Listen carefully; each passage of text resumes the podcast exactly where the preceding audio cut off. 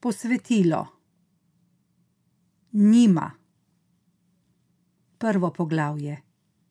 Stran deset.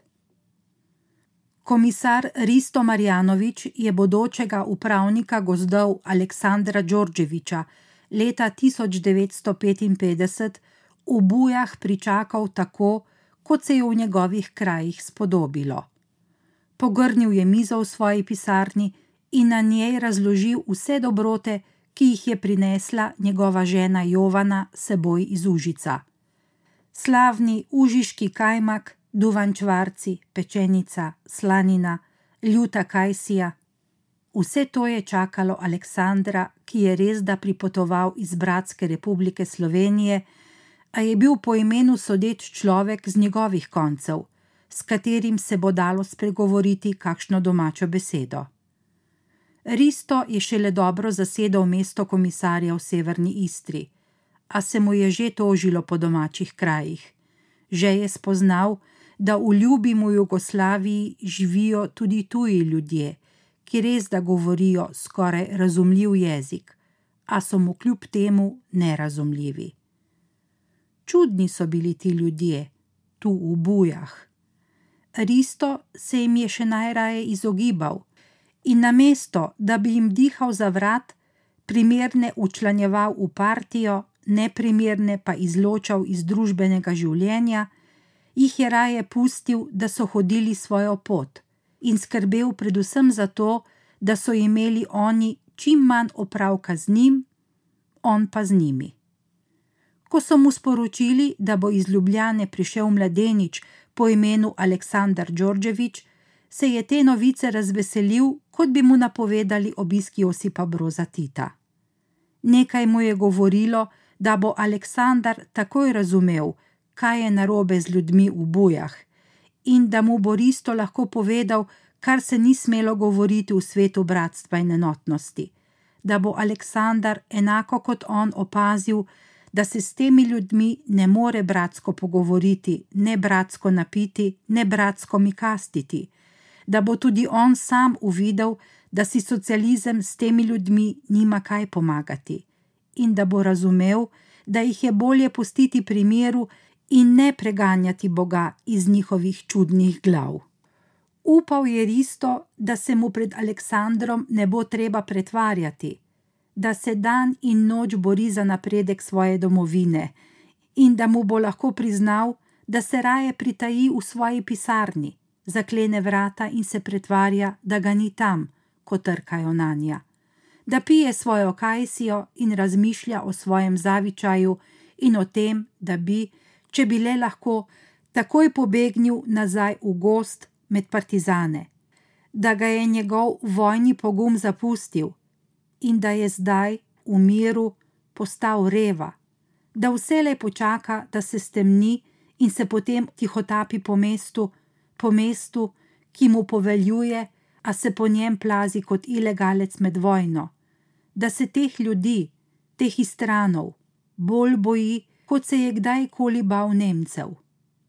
Vse to si je Risto želel povedati Aleksandru, čeprav je vedel, da bo, ko si bosta enkrat sedela nasproti, težko našel prave besede.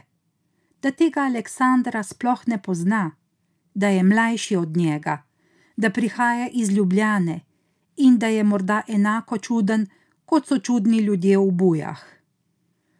Kadar je preveč spil, je Risto razmišljal celo o tem, da morda sploh ni več normalnih, njemu podobnih ljudi, da so tudi v Užicu zdaj vsi drugačni, da te, tako kot tu, tudi tam pustijo govoriti in te nikoli ne prekinejo, temveč te samo gledajo široko razprtimi očmi, da ne moreš ugotoviti, kaj si zares mislijo.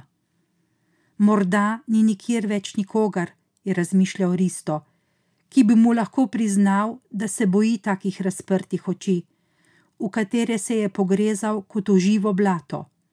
Nikogar, komor bi lahko on, politični komisar, član komunistične partije, priznal, da ga je strah ljudi, ki samo stojijo pred njim in ga poslušajo. Aleksandar Đorđević je bil zato njegovo zadnje upanje. On bo vse to moral razumeti. On bo moral vedeti, o čem Risto govori, ker je naš človek in naši ljudje razmišljajo enako in vidijo stvari na enak način. A ko je v svoji pisarni nestrpno čakal na Aleksandrov prihod, zobal pripravljeni narezek in praznil svojo ljuto kajsijo, Risto seveda ni mogel vedeti, kakšen človek se skriva za domače zvenečim imenom. Ni mogel vedeti, da Aleksandar Đorđević v ničemer ni tipičen predstavnik svojega roda, saj roda, na kakršnega je namigovalo njegovo ime, sploh ni imel. Rojen v Novem Sadu leta 1925, je Aleksandar sprva nosil priimek svoje mame, medicinske sestre in knjigarnarice Ester Aljehin, ime pa je bilo po maminih besedah očetovo. A o svojem očetu, razen tega, da naj bi bil po rodu iz Ukrajine, da naj bi mu bilo ime Aleksandar in da naj bi imel tako kot on močne košate obrvi, v kar je moj dedek do smrti dvomil, ni nikoli izvedel ničesar. Za Ester, ki je od svojega očeta Moše nasledila majhno novosadsko knjigarno, se je vojna začela mnogo preden so po Novem Sadu zakorakali prvi nacisti, in tudi ona je začela svoj boj za svobodo veliko prej kot borci za svobodo, ki si jih bo zapomnila zgodovina. Čemerna in deževna pomlad leta 1937 ji je bila dovolj, da je zapeljala zobarja Milorada Đorđeviča, ga pripravila do tega, da se je z njo poročil, na to pa kot gospa Đorđevič svojim sinom Aleksandrom Đorđevičem brez obrazložitve zapustila svojega moža in svoje rojstno mesto ter se preselila v Beograd. V Beograd je prišla kot Branislava, se prvič zaposlila kot medicinska sestra, za kar se je izšolala in se vsem predstavljala kot Miloradova udova. Hodila je celo v cerkev in prižigala zanj sveče. Mali Aleksandar pa se je moral naučiti moliti za pokoj duše svojega lažno pokojnega lažnega očeta in privabljati usmiljenja polne poglede beograjskih gospa. Vse zato, da bi se jim podoba gospe Đorđevič in njenega sina pred cerkvenim oltarjem zarezala čim globje v spomin. Vse je bilo v življenju Ester Aljehin ali Branislave Đorđevič premišljeno in podrejeno preprostemu cilju njenega preživetja, brez poniževanja in zatiranja. Nikomur se moja prababica ni čutila dolžno predstavljati svojim pravim imenom. Pred nikomer ni čutila potrebe po iskrenosti, nihče si ni zaslužil, da bi jo spoznal takšno, kakršna je bila pod masko. Prezirala je ta svet, ki se ni trudil skriti svojega pritlehnega sovraštva do vsega drugačnega, in s posebno naslado mu je lagala v obraz in se pred njim pretvarjala, da je točno takšna, kot je ta nizkotni svet želel, da bi bila. Igrala je svojo vlogo ene izmed njih, predano je ponotranjala njihove strahove in predsotke, primitivnost in neukost. Kot kameleon je privzemala podobo zaničevane okolice, se ji prijazno nasmihala in priklanjala, in iz dneva v dan vse bolj izpopolnjevala svojo zlaganost, dokler se ni izgubila v njej in je tista premetena, preračunljiva in nad svetom vzvišena Ester Aljehin, ki doma malemu Aleksandru tiho bere Josefa Rota v nemščini, izginila za lažnim obličjem malodušne Branislave Đorđevič, ki moškim občudovalcem zgrožena pojasnjuje, da je enkrat poročena ženska, vedno poročena ženska in da bi jih moralo biti sram njihovih grešnih misli. A tudi takšna Branislava Đorđevič ni mogla v sebi potlačiti strahu Ester Aljehin, ko je zagledala v mestu prve nacistične uniforme in ko je slišala za nepojasneno izginotje doktorja Štiglica, in ko je slišala šepetanje o tem, da se po noči nekaj dogaja na starem beograjskem sejmišču. Strah je Branislavo Đorđević pregnal iz Beograda, kjer je ni nihče ogrožal in ji grozil, in kjer ni nihče poznal njene skrivnosti. A strah Ester Aljehin je bil velik, njena želja po preživetju pa še večja. In tako sta Branislava in Aleksandar Đorđević februarja leta 1942 prispela v Ljubljano, ki so jo imeli v rokah Italijani, ki se jih je Ester zaradi nečesa bala manj, kot se je bala Nemcev. Poleg tega pa so se ji zdeli tudi Slovenci manj strašni od Srbov, predvsem zato, ker je bila Ljubljana še bolj oddaljena od Novega Sada in je bilo med Slovenci zagotovo manj takšnih, ki bi lahko poznali njeno skrivnost. A njen strah s prihodom v Ljubljano ni izginil, še več, povečal se je, saj so Slovenci vanjo zrli sumničavostjo, podobno tistim, s katero bodo domačini v bujah 13 let pozneje zrli v Rista Marjanoviča. Sumničavost do tujcev je bila to, a Branislava ni znala presoditi, kaj točno ljubljančani vidijo v njej in česa jo njihovi pogledi obtožujejo. Zato se je Ester Alehin v Ljubljani še bolj potuhnila. V bolnišnici je molče izpolnjevala svoje naloge, po službi pa se je zapirala v svoj skromni dom. Ni hodila na sprehode po mestu, ni hodila v cerkev, ni hodila na trg, sploh ni hodila med ljudmi ni poskušala prevzeti nove vloge, ni želela biti del množice, saj je bila ta množica tako zelo tuja, da je to presegalo njene igralske sposobnosti. Aleksandar je svojo mamo sicer ob večerjih učil slovenščino, ki jo je govoril sošolci, a ona tega jezika ni spregovorila z nikomer. Učil jo je tudi italijanščino, ki so jo govorili v šoli, ona pa njega nemščino, ki se jo je naučila od svojega očeta. Bila je jezik sovražnika, a tudi jezik, v katerem je pisal Josef Rot, mu je pojasnila. Na tem svetu ne obstaja nič enoznačnega, mu je govorila ta ženska, ki je na poblazneli svet gledala z drugačnimi očmi vojna sveta v njih ni razdelila ne na dobre in zle, ne na naše in njihove. Vojna je svet dokončno razdelila na njo in Aleksandra na eni in vse ostale na drugi strani.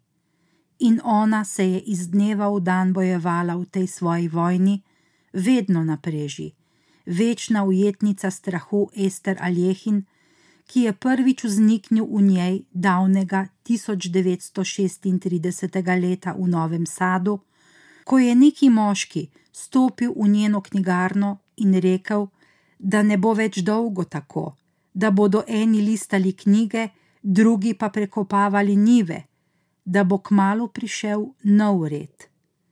Ti strahovi so v Ester Alehin vse čas rasli in v Ljubljani Aleksandru ob večerjih ni dovolila prižgati luči, začela je šepetati.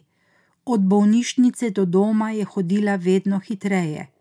Ko pa se je po zimi noč spustila že zgodaj popovdne, je tekla po ljubljanskih ulicah, tekla je do svojega stanovanja, zaklepala vrata in se naslanjala na nja, kakor bi bili za njimi njeni preganjavci pozno leta 1944, ko so ljubljani že vladali Nemci, se je Aleksandar zvečer vrnil iz šole in našel Ester ležečo pred vrati stanovanja. Njeno srce je podleglo strahu in zgrudila se je pred zaklenjenimi vrati, sredi Ljubljane, ki se ni menila za njo, ki ni poznala njene skrivnosti, ki ni razumela, in tudi ne bi mogla razumeti, česa jo je bilo tako strah. Njo, Branislavo Đorđević, nekdanjo knjigarnarico, udovo po Miloradu Đorđeviću, medicinsko sestro, ki je zgledno opravljala svoje delo v ljubljanski bolnišnici.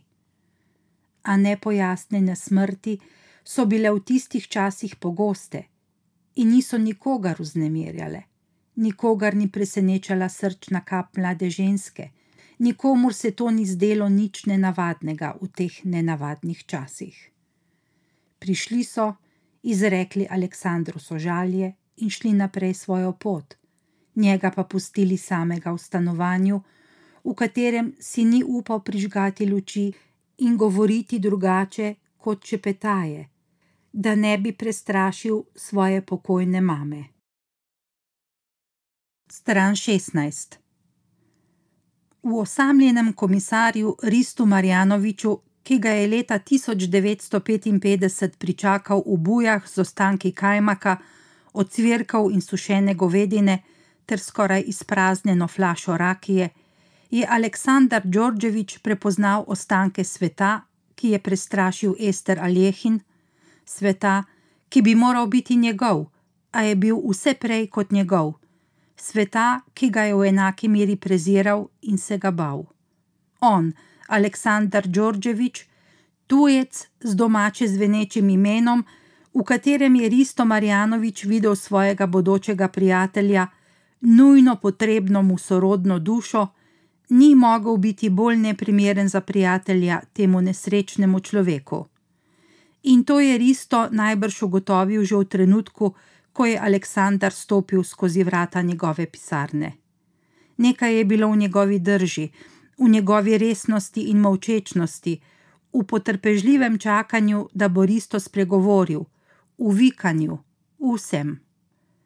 Še eden, je razočaran pomislil Risto, še eden teh tujih, nerazumljivih mu ljudi, še eden, pred katerim se bom skrival in ki se mu bom izogibal. Premeril je Aleksandra, ki je stal na vratih in čakal na vodila, naredil še zadnji požirek svoje kajsije, nato pa vstal in krenil proti vratom. Ajmo, što prijeti nađemo prenočište, bolje za obojicu. Risto je odpeljal Aleksandra čez cesto do hiše, ki je stala na spodnjem koncu glavnega trga. Risto je odprl vrata in vstopil. Ključeve nemam, i ne trebaju ti. Niko se neće gurati k tebi. Prije će bježati od tebe. Pokazal mu je kuhinjo, kopalnico in spalnico. Odprl je omaro, ki je bila polna oblek. Ako ti bude trebao prostor, možeš ovo pomaknuti ili baciti. Risto je snel nekaj oblek z obešalnikov in jih spustil na tla omare. Čije je ovo? Je vprašal Aleksandar. To ne znam, od nekih Italijana. A gdje su? Ko, Italijani? Da. Otkud da ja to znam? Otišli su negde. Bez svojih stvari? Risto ni imel več potrpljenja zanj in za njegova vprašanja. Vidi, mogu ja sutra ujutro da pošaljem nekoga da isprazni ormare ako hoćeš. Ja ne mogu živjeti u ovoj kući. Zašto? Pa vidite da tu žive ljudi. Šta bi ti hteo? Da ti sagradim hotel? Sve kuće su takve. Oni su otišli, mi smo došli. Tako ti je to u životu. A šta ako se vrate? Skuvaj im kafu i ponudi meze. Ko je Rista očel, se je Aleksandar vrnil v spalnico in pobral stav obleke, ki jih je tja zabrisal Risto. Obesil jih je nazaj na obešalnike, zaprl omaro in se spustil nazaj v kuhinjo. Previdno je krožil okoli jedilne mize, ne želet se česar koli dotakniti. V kozarcu, ki je bil odložen ob koritu, je pod tankim slojem prahu videl otrdele ostanke kave, na dnu posode na štedilniku so bili počrneli okruški hrane, v peči zoglenela drva in ob njih drobni koščki časopisnega papirja s tanko sajasto obrobo. Na steni je bila v višini njegovih oči pravokotna svetla lisa, sled slike ali fotografije, ki je visela tu. Aleksandar je pomislil, da si jo je nekdo prisvojil, morda Risto ali kdo drug, ki si je dovolil vstopiti v zapuščeno hišo. Bil je že utrujen in odšel je nazaj v spalnico, a pred posteljo se je ustavil. Ni se mogel uleči na tujo posteljnino, zato je legel na tla med posteljo in omaro, si pod glavo podložil svoj jopič in kmalo zaspal. Na srečo se njegovo mlado telo takrat še ni bilo navadilo obdobja, ki mu ga je nudilo mehko ljubljansko ležišče. Zjutraj je Aleksandar Ristu še enkrat povedal, da ne more ostati v hiši. Komisar je zaradi neuzdržnega glavobola sedel v temi za zapahnjenimi škurami in zaprtimi očmi je Aleksandru pojasnil, da so si vse hiše v mestu podobne in da če želi novogradnjo, si jo bo moral zgraditi sam. Zmečkani Risto seveda ni mislil resno, in se je želel zgolj čim prej znebiti nadležnega upravnika gozdov, a na njegovo žalost se je temu čudnemu mladcu zgraditi svojo hišo zdelo laže, kot useliti se v tujo. Ko je Risto uvidel, da ga Aleksandar ni razumel, je odprl oči in spregovoril z drugačnim tonom. Slušaj, Đorđeviću, Ako su svi mogli da se usele u takve kuće, možeš i ti. Razumeš? Ne izigravaj mi tu sveca i ne zajebavaj me, nego se pokupi nazad u svoju kuću. Nije moja kuća, druže Marjanoviću. Nije tvoja. Ne, nije. Sad je sve naše, jel tako? Da. Ako dakle ja kažem da je kuća tvoja, onda je tvoja. Naše nije isto kao i moje. Šta si rekao? Naše nije isto ko i moje. Ti mene zajebavaš. Ne. Dođi. Risto je Aleksandra odpeljal do ceste in z roko pokazal proti severu. Vidiš ona brdašca tamo? Do njih seže moja komanda. Do granice i tamo si možeš da sagradiš svoju kuću, da kroz prozor gledaš Sloveniju. Tako je zmečkani Risto Marjanovič postavil temelje Aleksandrovi hiši v vasi Momjan, tik ob slovenski meji, pet kilometrov od mesta, misleč, da je na ta način primirno kaznoval mladega gozdarja in njegovo predrznost. Teden dni zatem sta Aleksandar in njegova noseča žena Jana pešačila dolgih pet kilometrov od Buj do Momjana. Aleksandar se je vsakih nekaj metrov v pričakovanju ozrl proti svoji ženi, pričakujoč obsojujoč pogled, pričakujoč, da se bo utrujena Jana ustavila, ga vprašala, ali je morda pozabil, da je noseča in kako daleč je še do njune parcele a Jana je le v tišini stopala za njim. Aleksandar je vedel, da ženin mok ni dober znak in da ga na koncu poti ne bo pričakalo navdušenje, a mu ni preostalo drugega, kot da je molče nadaljeval pot, ne želec z napačno besedo še poslabšati položaja. Nikdar se mu ni, ne prej, ne pozneje, pot od Buj do Momjana zdela daljša kot tistega jutra. Nikdar ni bilo več prehojene poti za njima in nikdar več ne prehojene pred njima. Nikdar se ni pot bolj strmo uspenjala, nikdar bolj vila po istrskem gričevju. Jana pa kljub že vidnemu trebuhu ni zastajala. Kakor urno je korakal on, je korakala tudi ona. In Aleksandar je vedel, da to ne more biti dobro, in upal je, da se bo Jana ustavila že pred Momjanom in da bo že na poti izrekla, kar se je besed nakopičilo v njej. A Jana je molčala tudi takrat, ko se je Aleksandar ustavil in razširil roke. Evo nas.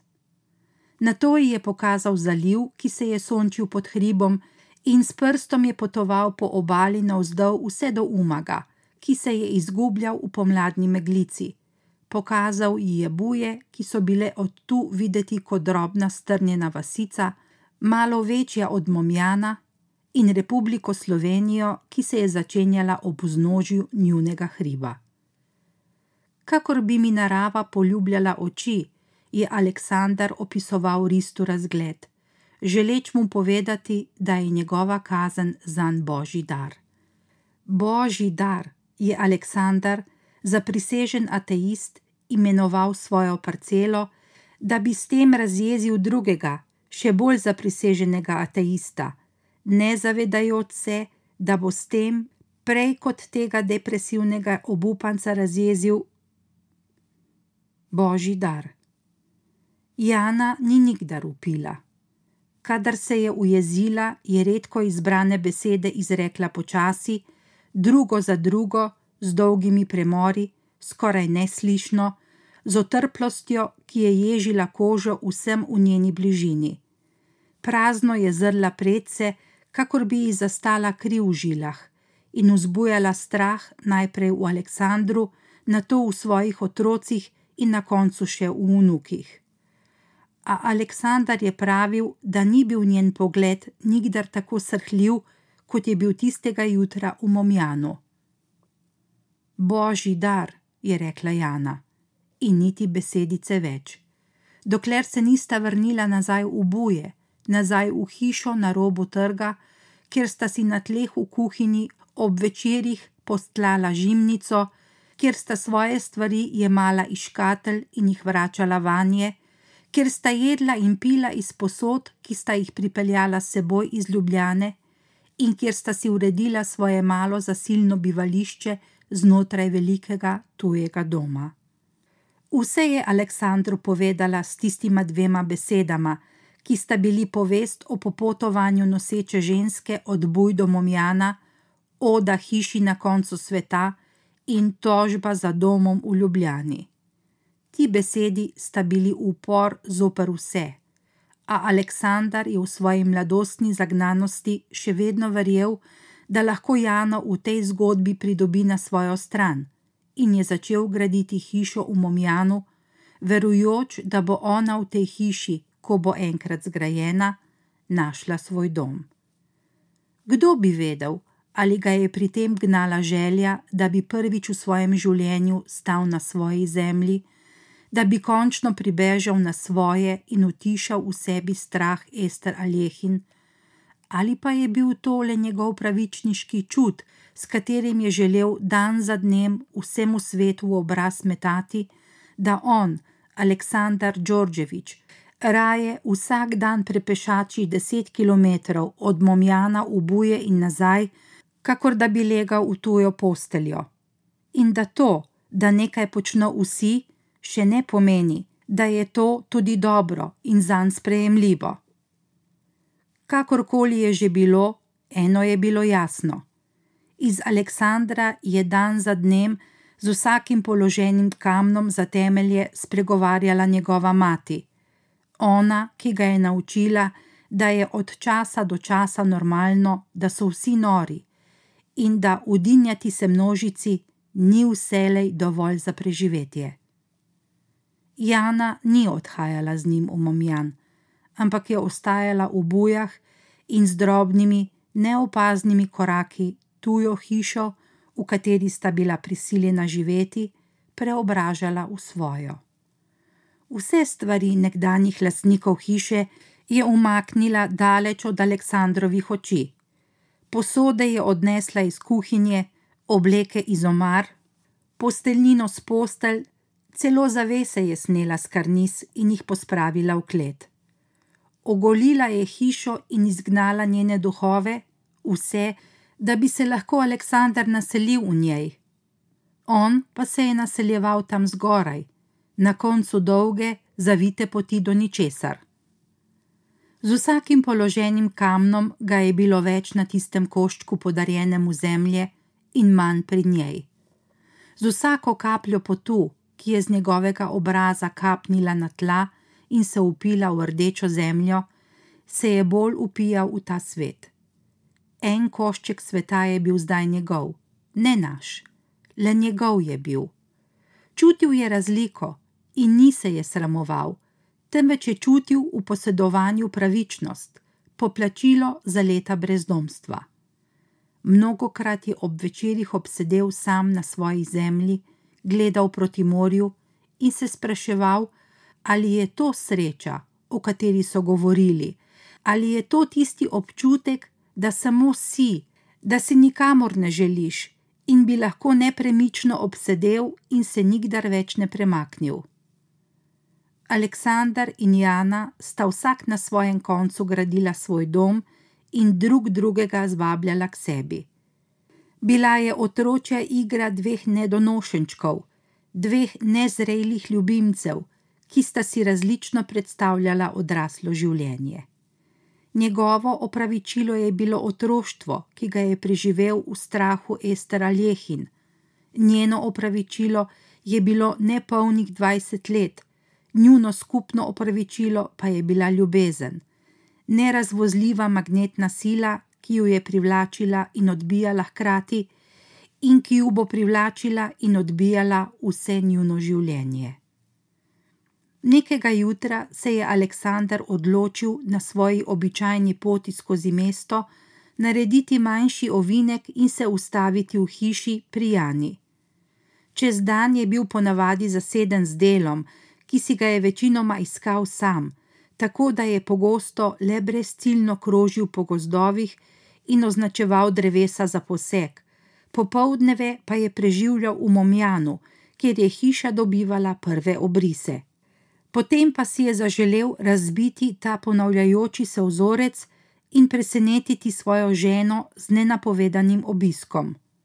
Po dolgem času je spet stopil v hišo, ožarjeno od dopodanskega sonca, in v hipu dojel, kaj je Jana naredila z njo. Takoj se mu je razkrilo vse, kar je dotlej uhajalo njegovemu utrujenemu večernemu pogledu. Vsi tuji predmeti so izginili, in ta tuja hiša je bila zdaj polna njiju. Njuni ostanki hrane, njuno umazano perilo, njune posode, njuni časopisi.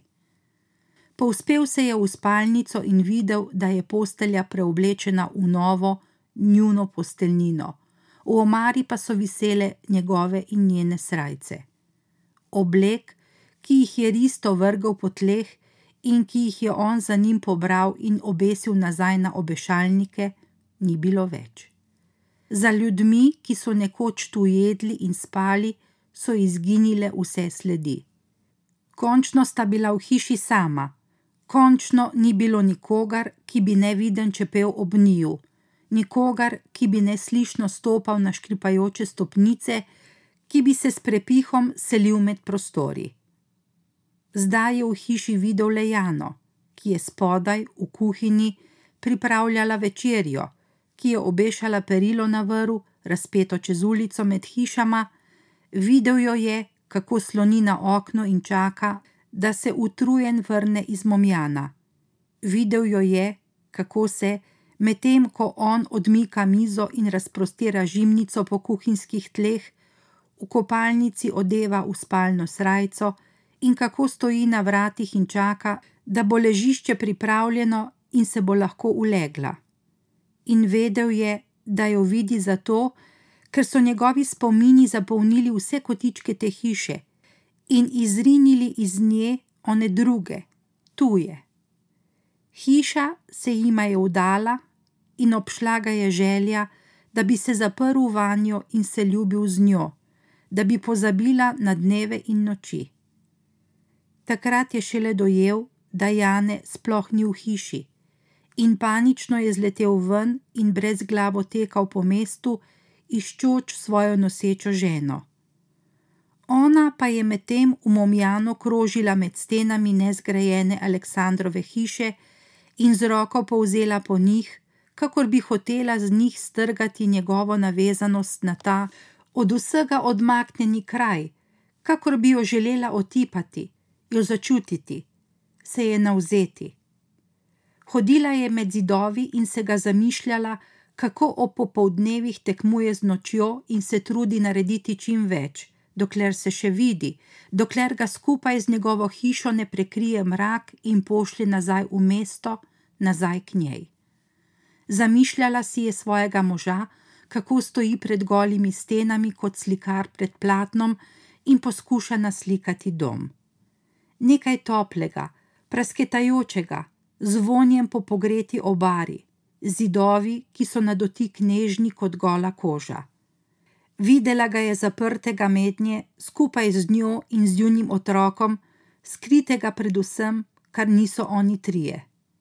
Nikoli ga ni vprašala, kako si predstavlja dom, a zdaj je jasno videla, kako Aleksandar s svojimi prsti oblikuje njihovo toplo zavetišče. In potem se je začelo. Prijela se je za trebuh in takoj vedela, da ne bo prišla do buj in da bo rodila prav tu, v Momnjanu, ob okostju nedokončanega Aleksandrovega doma. Stopila je na cesto in se ozrla naokrog, iščoč nekoga, kogarkoli. Ne prvič, ko jo je Aleksandar pripeljal sem, ne zdaj, ko je po tej poti pripešačila sama, ni srečala žive duše. Hiše ob cesti so bile videti prazne, a prazne so bile videti tudi v bujah, čeprav so v njih še živeli ljudje. Prikazni, ki jih je s kotičkom očesa ujela, kako kukajo skozi okna ali v daljavi stopajo čez dvorišča. Včasih je slišala nerazumljive glasove, ki so preko trga zahajali k njej, in zdelo se ji je, da so to glasovi ljudi, ki so živeli v njeni hiši, da jo, usiljivko, preganjajo od tod, in od strahu je zaprla okna in se skrivala v kuhinjo med ropot posod. Zdaj pa si je Jana želela videti prikazni. Želela je slišati njihove glasove, podplat čevlja, ki se dotakne poda, rezilo noža, ki zareže v krompirjevo lupino, drgnjenje tkanine o pomivalno rešeto, karkoli, kar bi izdajalo njihovo prisotnost za zaprtimi škurami.